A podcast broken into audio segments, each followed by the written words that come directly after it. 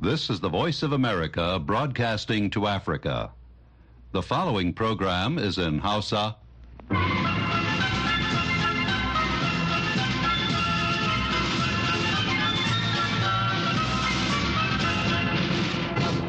Sashen Hausa na muryar Amurka ke magana daga nan birnin Washington DC.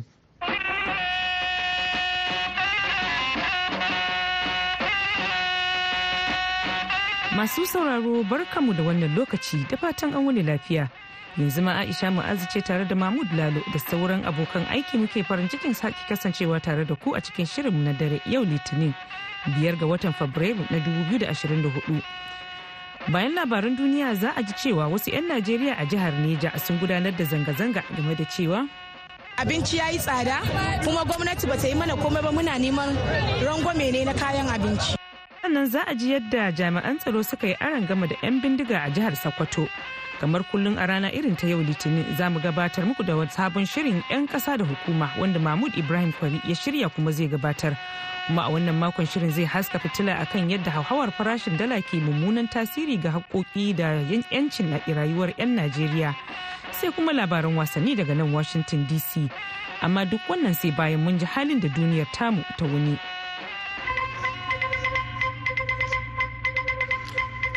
To jama'a assalamu alaikum. Fadar masarautar Birtaniya ta Buckingham ta ce Sarki Charles ya kamu da cutar daji kuma ya dakatar da duk wani aikinsa da ya zama sai ya fito bayyana jama'a kamar yadda fadar ta faɗa a wata sanarwa da ta fitar a yau Litinin. Sarki Charles mai shekaru 75 ya kwashe kwanaki uku a asibiti a watan da ya gabata bayan da aka yi masa wani aiki a mafitsara wata matsala ta daban da aka gano. Tuna har ma'aikatar harkokin wajen Amurka ta aiki da saƙon ta jaje.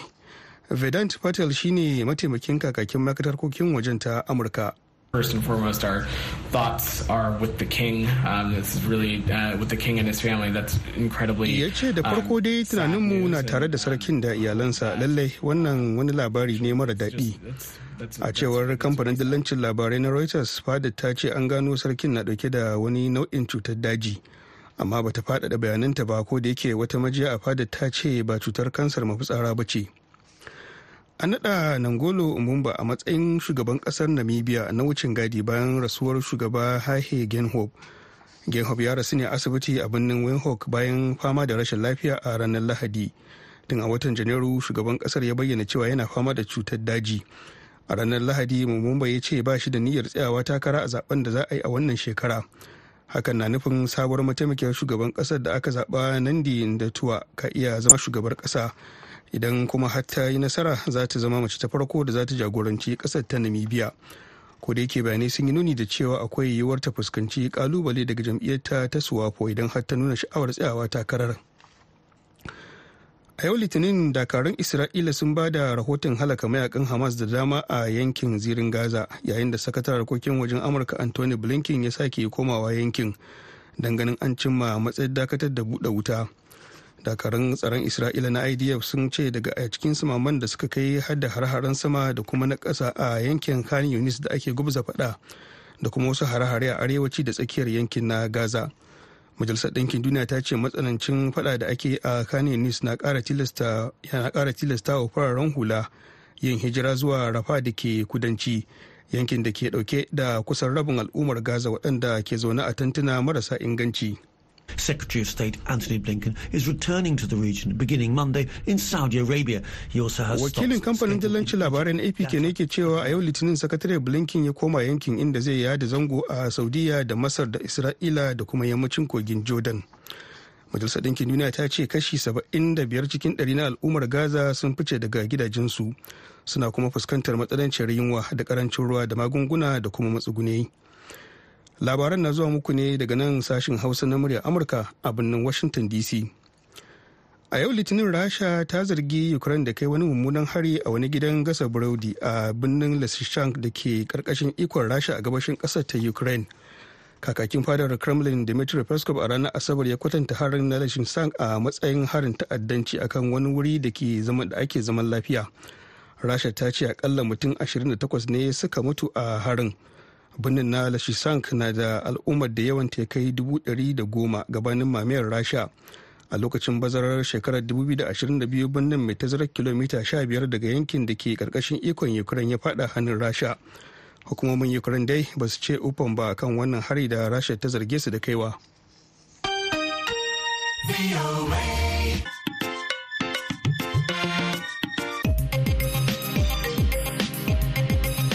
A gaida mahmud lalo da ya karanto mana labaran duniya daga nan sashen hausa na muryar amurka a birnin washington dc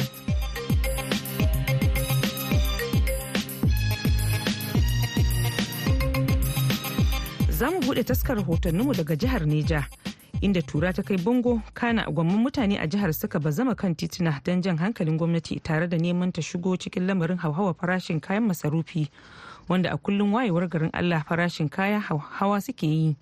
Wakilin muryar amurka a neja mustapha nasiru batsari ya aiko mana da karin bayani cikin wannan rahoton ɗaruruwan mutane ne suka gudanar da wata zanga-zanga amina fadar gwamnatin jihar Nijar Najeriya domin nuna damuwa akan halin kuncin rayuwa da tsadar kayan abinci da ake fama da shi a ƙasar. Masu zanga-zangar dai sun datse babbar hanyar mota da ta haɗa garin Mina da kuma Bidda da ke kudancin jihar. hanyar da ke da matuƙar tasiri wajen hada kudu maso yammacin Najeriya da kuma arewacin ƙasar. Wasu daga cikin masu zanga-zangar dai sun yi ƙarin haske akan dalilinsu na fantsama akan titi domin nuna ɓacin ransu. Sunana Aisha Jibril. Muna yi ne saboda abinci ya yi tsada kuma gwamnati ba ta yi mana komai ba muna neman rangwame ne na kayan abinci. Dan Allah muna son gwamnati ta yi kyakkyawa ta duba abin da muka taso da shi yau da safe ta kawo mana sassauci a cikin lamarinmu. Abubakar abinci ya yi tsada. Shinkafa dubu biyu garin kwaki dubu sha dubu dubu ɗaya gari masara dubu sha biyar da dari biyar. Ana sai da duka dukowa na sai da abin da ya ga dama. Gashi muna february abincin gona na fitowa komi na tsada. Ni tun da na fita duniyan nan ni ban taba ga irin wannan ba. Sunana ismaila haruna. Wannan abu mata suke yin sa kuma muka fito muka mara musu baya saboda mu muke zuwa mu je mu nemo mu kawo musu sun nuna sun fi mu kishin abin nan kullum kwanan duniya ƙarin kuɗin abinci saboda Allah shugabannin nan mun tsaya mun zaɓe su da ƙuri'o'inmu amma ba su damu da mu ba To, yau ina suke son mu sa kawunan mu. Daga bisani dai jami'an tsaro ne suka tarwatsa waɗannan masu zanga-zanga da barkonon tsohuwa mai sa hawaye. Gwamnan jihar Niger Alhaji Umar Mohamed Bago da ya kira taron manema labarai akan wannan al'amari ya ce tabbas sun san halin da al'umma ke ciki na tsadar rayuwa amma ya alakanta wannan zanga-zanga da wani abu daban kamar yadda ya yi ƙarin bayani. Ina tabbatar maka da jama'an jihar Neja cewa gwamnatin mu tana ƙoƙari ta taimaka ma talaka. Mukan buɗe baitul mali mu ba da abinci gida-gida anguwa-anguwa so da haka mun ba wai wahala ba ne fito da wannan mutanen irin wannan gutsura tsoma shine ya kawo wannan abun. To amma Allah ya za mu kai ƙarshen shi. Amma muna kira jama'a al'umma gabaki ɗaya kada su yadda amfani da su kamar karan farauta. Kowa ya shiga hankalin shi.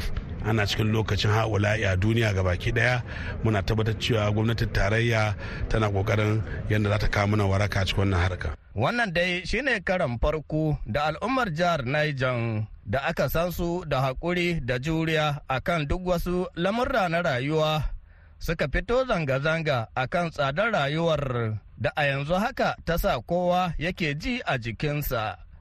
Mustapha Nasiru Batsari murya Amurka daga Mina a Najeriya.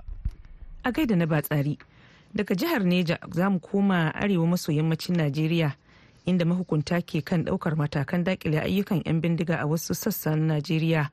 Su kuwa 'yan bindigar na ƙara kai farmaki ga al'ummomi musamman ma waɗanda ke zaune a wuraren da ke da matsalar tsaro inda a jiya lahadi ma wasu 'yan bindiga suka farma wasu garuruwa a gabashin sokoto inda suka yi musayar wuta da jami'an tsaro.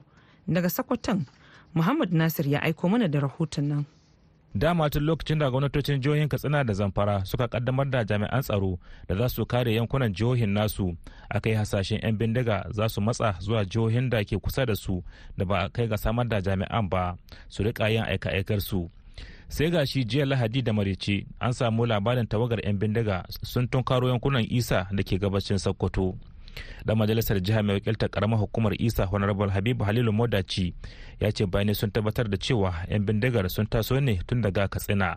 Su da tawagar su sosai suka biyo wasu wurare na karamar hukumar mulki ta isa sun ka shigo zuwa turba. To nan ne suka haɗu da jami'an tsaronmu waɗanda annan a garin turba suka yi ɗauki ba daɗi inda babu shakka an fatattake su kuma su ma sun sami nasarar halbe wata mota ta mutane jami'an tsaro wanda wannan shi ya gurgunta aikin jami'an tsaro. Nan take kuma sun ka yi masu lahani sun ka jima jami'an tsaro kusan guda biyar. Wasu suna asibiti. Wannan abu ya faru misalin karhe biyar na marece zuwa karhe bakwai zuwa har takwas na dare wanda abin ya yi muni ƙwarai da gaske. Na zanta da wani mutumin Isa wanda shi ma tabbatar min da aukuwar lamarin. Da suka kwakwanta bakin gurbi shine sai suka tura kamar mashin uku sai suka je bakin garin turba suka yi harbi sai kaga aiki sun yi tsokana kenan kawai sai yan banga su kuma suka ɗauko motar su da mashina suka gangaro suka biyo su. Bewar da suka yi mun sun shigo cikin garin makwaruwa akai a shiga garin bakin gurbi ashe suna nan sun kwakwanta gurin kawai sai dai wuta in gaya maka. Direban ma da ya ja hilos din yana zuwa kawai aka rufe shi da harbi. Karshe haka ya afka cikin su din. Wallahi gaskiya dai fafata ta yi zafi tsakanin su kuma an kashi yan ta'adda sosai indan kashi. Amma gaskiya an rasa jami'an tsaro na civilian GTF gaskiya su ma kamar an kashe adadin su ya kai guda uku ko huɗu haka. To yanzu wani yanayi jama'ar wuraren da suke ciki sannan waɗanda suka samu raunuka suna ina? Wayanda suka samu raunuka suna nan suna karɓar magani a nan cikin karamar hukumar ta isa a wata asibiti da ake cewa asibitin malam baba. Sannan kuma yanayin ƙauyen gaskiya yanzu mu jama'a turba ana cikin ɗarɗar kuma hankalin mutane ya riga ya gama tashi sakamakon 'yan bangar sun nuna cewa tunda ba a kawo musu kayan aiki ba hakan na nuna barazana ce ga rayuwarsu gaba ɗaya. Na kuma tuntuɓi rundunar 'yan sandan Najeriya akan wannan lamarin inda kakakinta a Sokoto ASP Ahmad Rufa'i ya ce suna da masaniya akan wannan fafatawar da aka yi amma rundunar za ta yi karin bayani daga baya. Kuma kawo zuwa hada wannan rahoto ban samu bayani ba daga gare shi. Gwamnatin jihar Sokoto ma tamkar takwarorinta na jihohin Katsina da Zamfara ta ɗauki jami'an tsaro da za su kare yankunan jihar waɗanda yanzu haka suna cin sansani suna karɓar horo ta yadda za su yi aiki. Akan haka ne mutane yankunan da ke fama da matsalolin ke ganin idan sun kammala karɓar horon to akwai buƙatar su yi aiki tare da takwarorinsu duba da yadda dazukan da suka haɗa jihohin suke sarƙe da juna kamar yadda dan majalisar jiha na yankin isa ke cewa tunda kaga a zahiri yanzu waɗannan mutane sun nuna sun haɗa kawunan su da barayin katsina da barayin zamfara sun haɗa kawunan su domin su yaƙi waɗannan mutane. Yanzu dai fatar jama'ar yankunan bata wuce samar da tsaro ba ta yadda jama'a za su gudanar da lamuran su cikin sauƙi da lumana. Muhammad Nasir muryar Amurka daga Sokoto a Najeriya. A gaida Muhammad Nasir. To kada a sha'afa shirye-shiryen na zuwa muku ne daga nan sashen Hausa na muryar Amurka a nan birnin Washington DC. Yanzu agogonmu a nan Washington DC na cewa ƙarfe uku da minti arba'in da uku na rana. Ga shirinmu na gaba. 'yan ƙasa da hukuma.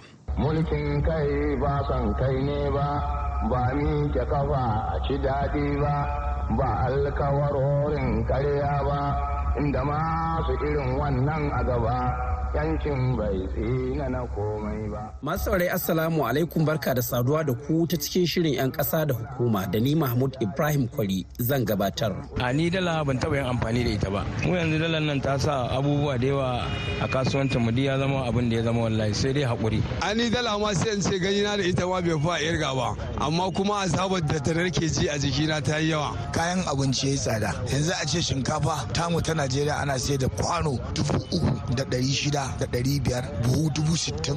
Yadda hauhawar farashin kuɗaɗen ƙetare musamman takaddun dala ke mummunan tasiri ga haƙoƙi da 'yancin rayuwar 'yan ƙasa a Najeriya shine batunmu na yau.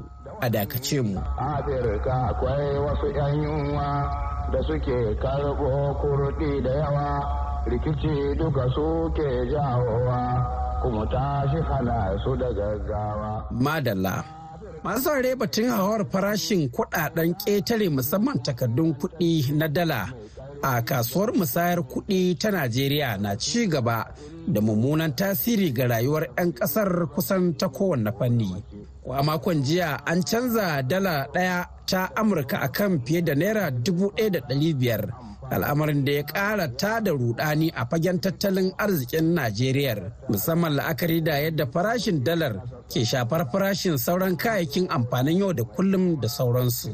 Yanzu haka dai 'yan ƙasar sun fara kokawa game da wannan yanayi musamman talakawa da ƙanana da kuma matsakaitan masu sana'o'in hannu la'akari da cewa al'amarin ya kama tafarkin tauye haƙoƙi da 'yancinsu na rayuwa duk da cewa galibinsu ko dai ba su san ma kuɗin takardun dalar ba ko kuma ba ma sa amfani da wannan kuɗi na ƙetare da ake kira dala. Sunana nura haladu ƙaramin dan kasuwa. A ni dala ban taba yin amfani da ita ba amma ina jin mafiwa mutane dai suna yawan magana akan ta ana yawan magana akan ta komai sai a ce mana magana dala dala dala dala. Mu yanzu dalar nan ta sa abubuwa da yawa a kasuwancin mu ya zama abin da ya zama wallahi sai dai haƙuri ya kamata a ɗau mana dan wani mataki a kai ko kuma a san yadda za a yi mana mu san yadda abubuwan nan su dan dawo normal yadda muke. Yanzu komai ya canja abubuwa da yawa.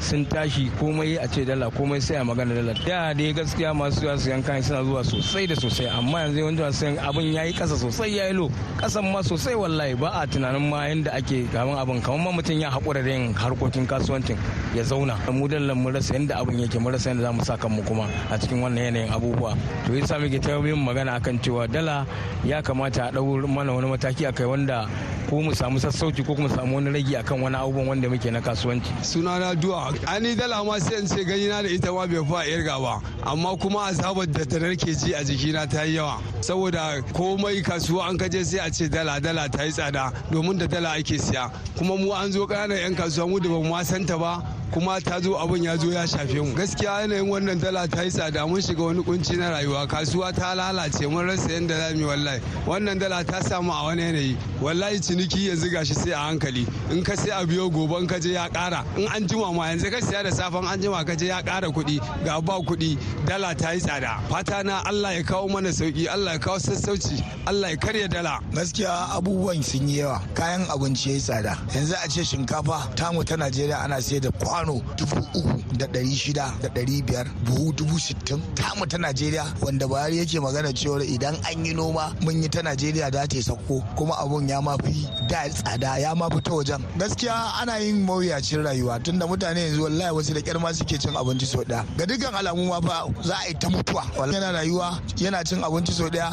Kana waje kuma kana samu da kyar ci sau ɗaya wanda yake kurkuku ma ai sai ya fi ka rayuwa. to sai dai masu ilimin tattalin arziki a najeriya irin su da Garzali Ado na kwalejin nazarin harkokin gudanarwa da lamuran kudade ta Kano sun yi fashin baki akan alakar kuɗaɗen dala da kuma rayuwar talakawa masu ƙananan sana'o'in hannu. Wato wannan abin da yake faruwa yana iya nuna maka rauni da rashin ƙarfi na tattalin arzikin Najeriya. A rauni na nufin cewa a abubuwa da yawa ba a cikin gida ake yin sa ba. Kamfanin mu ba za su iya yi mana abubuwan duk da muke buƙata ba. Idan ka bi abubuwa ka zazzage su za ka ga cewa wannan abubuwan suna da dangantaka ko ba ta kudda ba. Akwai dangantaka da dala ɗin nan da kake magana. Misali masu karas masu rake cewa da an yi magana sai su maganar dala. To tattalin arzikin najeriya saboda rauninsa ba kamar wasu ƙasashe ba da idan ka ɗauki mai karas ka ɗauki mai rake abubuwa ne da ya kamata a ce ka cukan an yi su da kayayyakin sarrafa na cikin gida. Yanzu misali mu ɗauki mai karas. Idan kana ganin karas ɗin da kake siya ka gan shi an je an siye shi a wudil da an shigo da shi birni sai ka yi mamaki ka ce me yasa mai karas zai ma maganar dala? To akwai dalili. Yanzu misali shi karas din irin da aka shuka aka dasa ko daka shi aka yi ko shuka shi aka yi ba hukumomin bincike na noma na Najeriya ne suke suka yi shi ba. Na baka wannan ka je ka duba duk irin nan da ake zaga da ƙasar waje ake shigo da shi. Kaga idan za a sai iri da ƙasar waje me za a amfani da shi? Da dala za a siyo shi.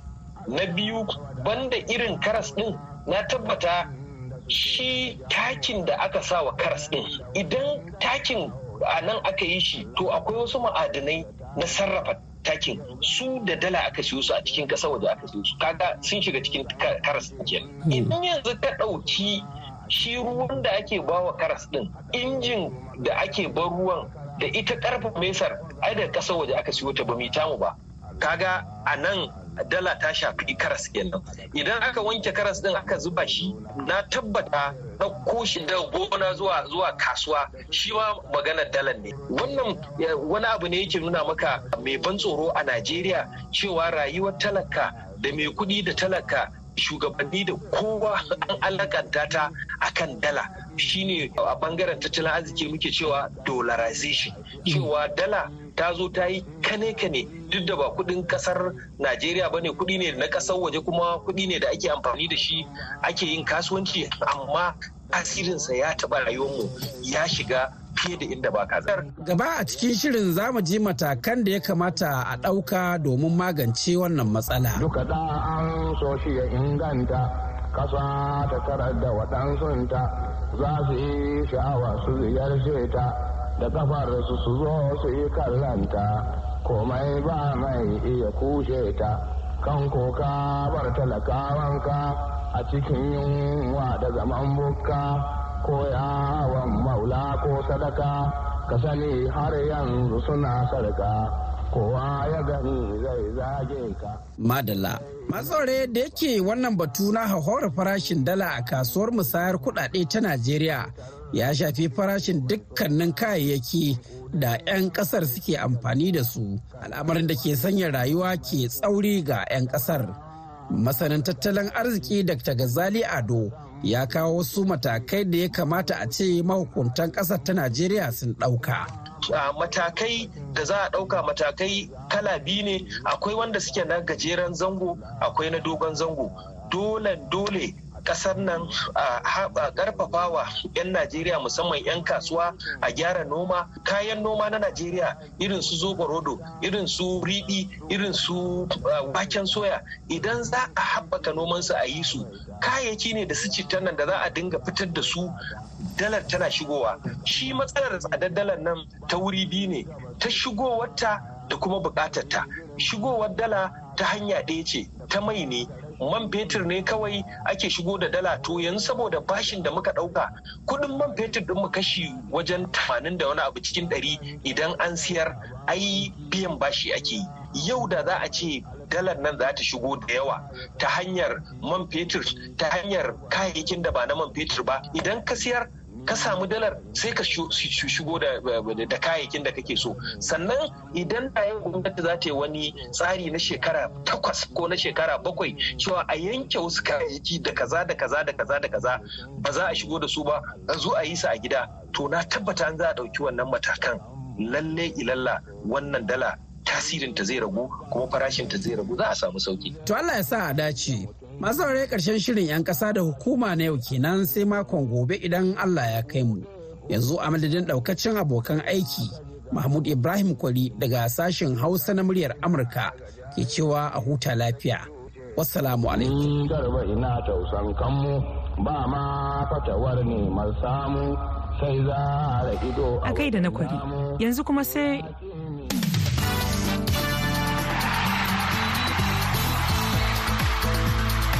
Jama'a Assalamu alaikum barkamu da kasancewa da ku a cikin shirin labaran wasanni tare da ni Murtala Faruk Sanyin na. Kasashe huɗu da suka rage a gasar ƙwallon kafar cin kofin nahiyar Afirka a ƙasar Ivory Coast na ci gaba da shirye-shiryen tunkarar wasannin kusa da na ƙarshe na gasar da za a fafata a wannan makon.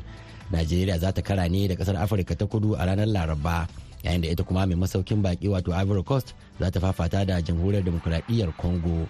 Umar Ahmad Kware wani dan jarida daga Najeriya da yanzu haka yake a ƙasar ta Ivory Coast ya yi mana bayani akan halin da ake ciki.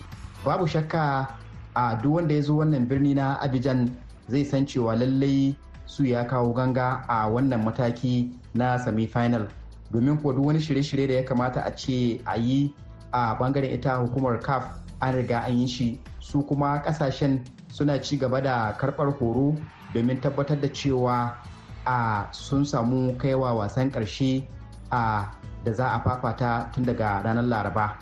To Umar, Najeriya na ɗaya daga cikin ƙasashen da ake hasashen cewa za su iya lashe gasar ta bana duk da irin da yadda tafiyar hawainiya da ta soma da shi kuma yanzu haka za a iya cewa Najeriya ce ta fi fuskantar ko tafi kowace ƙasa fuskantar irin ƙalubale na adawa daga ƙasashe da dama.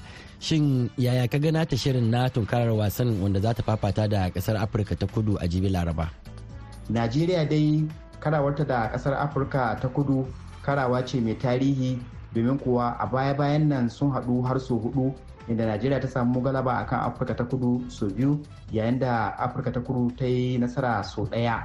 Idan aka diba wannan fafata tsakanin bafana bafana na afirka ta kudu da super eagles na najeriya za a ga cewa babu shakka dukkanin ƙasashen guda biyu suna da ƙarfi sosai duba da ita bafana bafana ta afirka ta kudu a ta yi galaba akan takwarata ta morocco ta kuma samu nasarar fidda kebbad da yake wasan ya yi zafi har ya kai su bugun daga kai sai mai tsaron raga inda akasarin 'yan wasan kebbad suka kasa zura mata ƙwallo a raga. 'yan wasa ne waɗanda suke za su iya riƙe freja wato kai farmaki har ya zuwa wani lokaci idan an yi sa'a an kai bugun da kai sai mai tsaron raga nan suka fi kyawu. Amma idan ka diba a ƙungiyar super eagles tana da 'yan wasa masu yawan kai kora irin su victor shemin da kuma adimola lukman da sauran 'yan wasan da suke surin hanzari na kai kora gaba yayin da kuma salon da 'yan wasan na super eagles suke da shi ƙarƙashin jagorancin mai horaswa yusuf isiro muke tunanin cewa salo ne wanda za a iya tarewa kuma a kai kora har a samu galaba. Babu shakka su kuma ta ɓangaren nan ƙasar d'ivoire masu masaukin baki ƙasa ce wadda 'yan ƙasar ta suna nuna sha'awa da goyon bayan 'yan ƙasar su sosai da sosai saboda lokacin da d'Ivoire ta samu galaba akan ƙasar Mali duk wanda yake nan birnin Abidjan ya san cewa bai ji sarai ba saboda kwana aka yi kaɗe-kaɗe da bushe-bushe da wake-wake na murna ta wannan nasara. To da wannan kuma muka zo ƙarshen labaran wasanni na wannan makon mu kasance lafiya.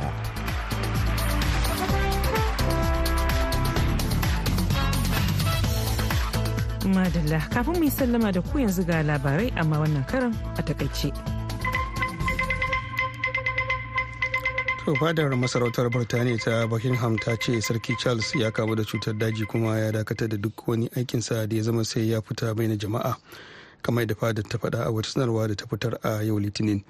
Sarki Charles mai shekaru 75 ya kwashe kwanaki uku a asibiti a watan da ya gabata bayan da aka yi masa wani aiki a mafitsara wata matsala ta daban da aka gano.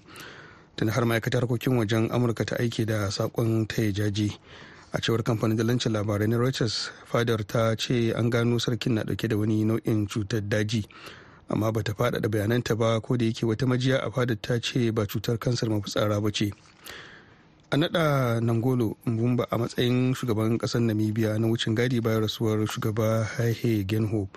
Genho ya rasu ne a asibiti a birnin windhoek bayan fama da rashin lafiya a ranar lahadi.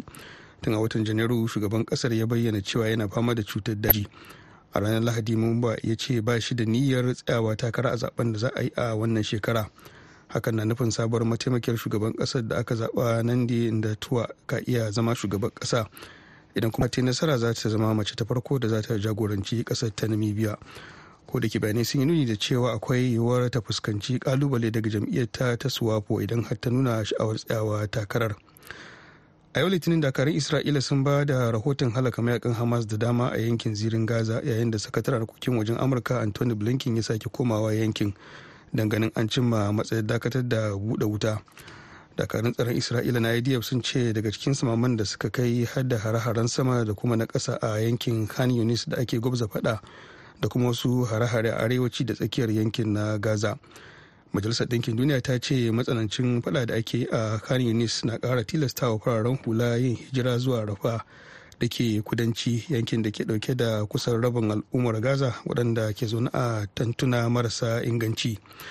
Majalisar ɗinkin duniya ta ce kashi 75 cikin 100 na al'ummar gaza sun fice daga gidajensu suna kuma fuskantar matsanancin yunwa da ƙarancin ruwa da magunguna da matsuguni. Masu sauraro da takaitattun labaran za mu yi sallama da ku a cikin shirinmu na ƙarshe a yinin yau. Sai kuma zuwa gobe da safen ku idan allah ya kai mu a ji wasu abokan aikinmu na shirinmu na safe.